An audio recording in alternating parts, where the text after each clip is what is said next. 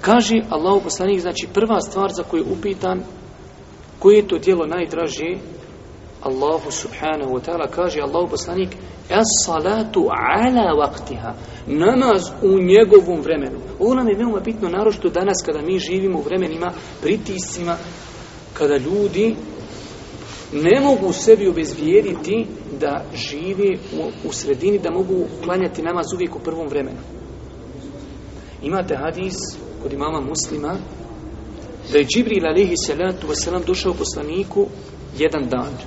I svaki namaz su klanjali u početku namaskog vremena.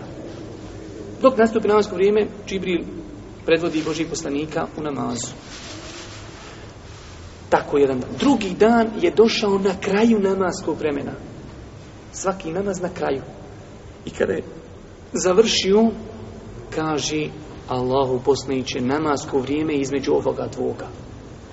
Zato, braćo moja draga, ondje gdje je vjera ostavila širinu, ne treba ljudima sužavati. Ko čovjek kaže, ja radim u firmi. U dva sata izlazim iz firme i dolazim kući u pola tri. Mogu li ikako da dođem kući, a podne počinjem u jedan? Mogu li kad dođem kući finu da se raspremim, da li se im klanja? Ma može. Što neće moći? Nema smetnji. Mi pa ćemo kazati šta je bolji, ali pitanje je li dozvoljeno. Jer nemojte zaboraviti onu činjenicu koju danas Efendija spomenu na hudbi. Boži poslanik nikada nije birao između dvije halal stvari da nije odabrao lakšu. Nemoj da neko smatra da je to popuštanje u vjeri. Ja ne znam otkud nama ona fiks ideja, dajte nama sve ono najčešće. Eke čvrsto lupiš ako mas to, nek se zna. To nije sunnet, da znate. Slobodno uzmaj šta hoćeš najčvršće. Nije to sunnet. Allah poslanik, kada bi birao, ako bi bila obadje dozvoljene stvari, odabirao bi lakšu stvar. Znači, ako ti dođe čovjek i pita za stvar koja ima prostora u vjeri, može se tu progledati, progledaj. Ne treba zatezati na mjestima gdje nema potrebe da se zateže. Kaže, as salatu ala vaktiha namaz u njegovom namaskom vremenu. Imate rivajet kod imama Tirmizije. Ovo je rivajet koga? Buhari i muslima. Imamo rivajet kod imama Tirmizije da je Boži poslanik rekao najbolje dijelo je namaz u prvom namaskom vremenu. U redu. Nema kolizi između ovog hadisa i tog hadisa. Nema kolizije. Jer imate drugi hadisa kada Allah poslanika Pitaju šta je najbolje djelo, on kaže to. Šta je najbolje djelo? To. Šta je najbolje djelo? To. Deset možda različitih odgovora. To će neko, neki filozof koji ne razumije vjeru, pa će reći, pa ta vaša vjera je kontradiktorna. Imate hadis da se kaže da je to najbolji, a da je to najbolji. Šta je sad najbolji? Najbolji shodno svakog insana i shodno vremenu. Boži poslanik kada mu dolazi čovjek ako vidi na njemu da je možda zakazu u datom momentu određenoj stvari, a tu može, čovjek dođe bogat, a možda ne udjeljuje. Kaj šta je najbolje djelo? Tu njega treba, tu nam treba on. Za tebe najbolje udjeljuj. Šta ću ja reći sad nekom tamo siromanu, jadnik nije šta jest, za tebe najbolje udjeljuj. Šta će jadnik on udjeljivati? On udjeljivo, ne udjeljivo, ništa od njega korist niko neće imati. Ali kad kakvog milionera uključiš i kažeš udjeljuj, to je za njega najbolje djelo. I tako, znači, učenjaci pomiruju znači različitost hadisa, da su tu bila različita pitanja od različitih ljudi.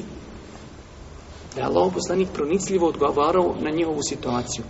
Znači imamo hadis vjerodostojan da je namaz u prvom vremenu najbolji.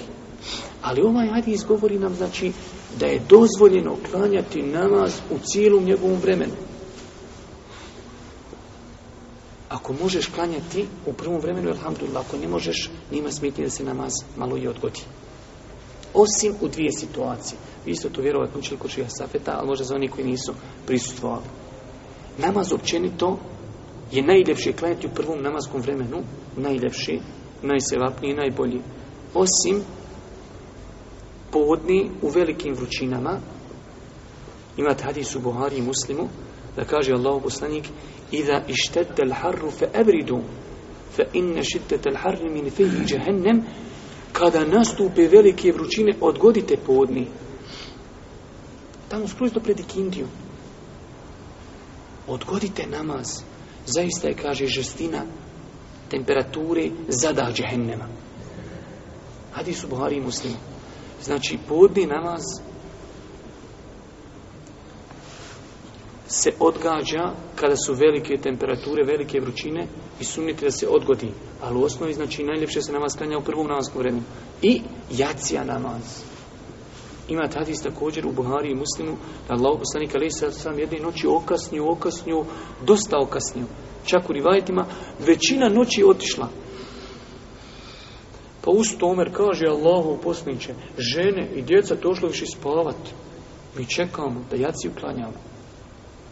Žene i djeca, pošto nisu obavezni da dolaze u džemat, oni su već klanjali, jaci li spavat. Pa kaže Allah poslanik alaihi salatu wasalam, Leula an ešuqa la ummeti la amartuhum bis salati Da se ne bojim, kaže, da će otežati svome ummetu, ja bi naredio da jaci uklanjaju u doba. Ali jaci, ljudi počinje kad nestane crvenila na nebu. Od tog momenta počinje acija Ujrum klanjaj, ali kaže najbolje klanjati odgoditi. Tako da znači općenito namaz je dobro klanjati u prvom namaskom vremenu, osim ove dvije situacije.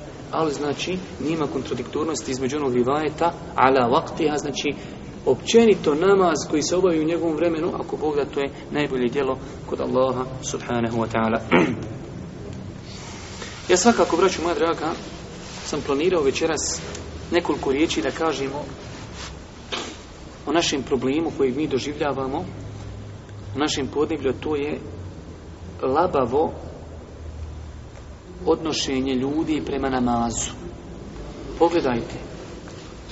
Upitan Allah poslanik najbolje dijelo kaže namaz.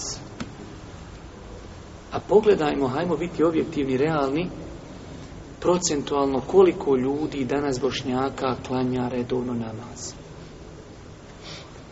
Tu moramo govoriti, tu moramo spominjati, braću moja draga, jer je to narod s kojim mi živimo. Otaku fitneten la tusibenne ledina varemu minkum hasa. Bojte se smutnji koja neće samo zadesiti one koji su pravili fesad. Kad dođe oluja, kad dođe poplava, i će kazati, e ovu kuću nemojte poplaviti, ovdje ima jedan namazlija. U suha drva odeše i sirova. Najvrijednije dijelo, braću moja draga, koje je spomenuo Allah poslanik, i sve tri ova dijela koja spomenuta u visu su definitivno zapostavljena od strane ummeta i namaz, i dobročinstvo roditeljima i borba na Allahom subhanahu wa ta'ala putu. Pogledajte samo određen broj ljudi, kakve imaju pogrešne vize, uviđenja. Imate ljude, dolazi samo na džumu. Imate ljude koji dolazi samo na Bajram. Imate ljude koji klanjaju samo Saba i Jaciju. S druge strane, imate ljude koji imaju pogrešne vizije koje se svakako negativno